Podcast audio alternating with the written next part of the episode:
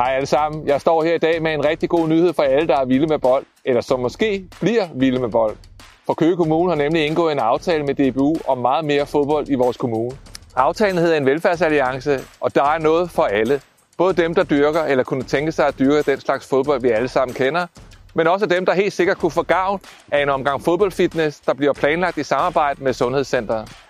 Vores alliance har især fokus på børnene. Klubberne vil få hjælp af DBU Sjælland til at blive DBU Børneklub med endnu mere fodboldmiljø for børn.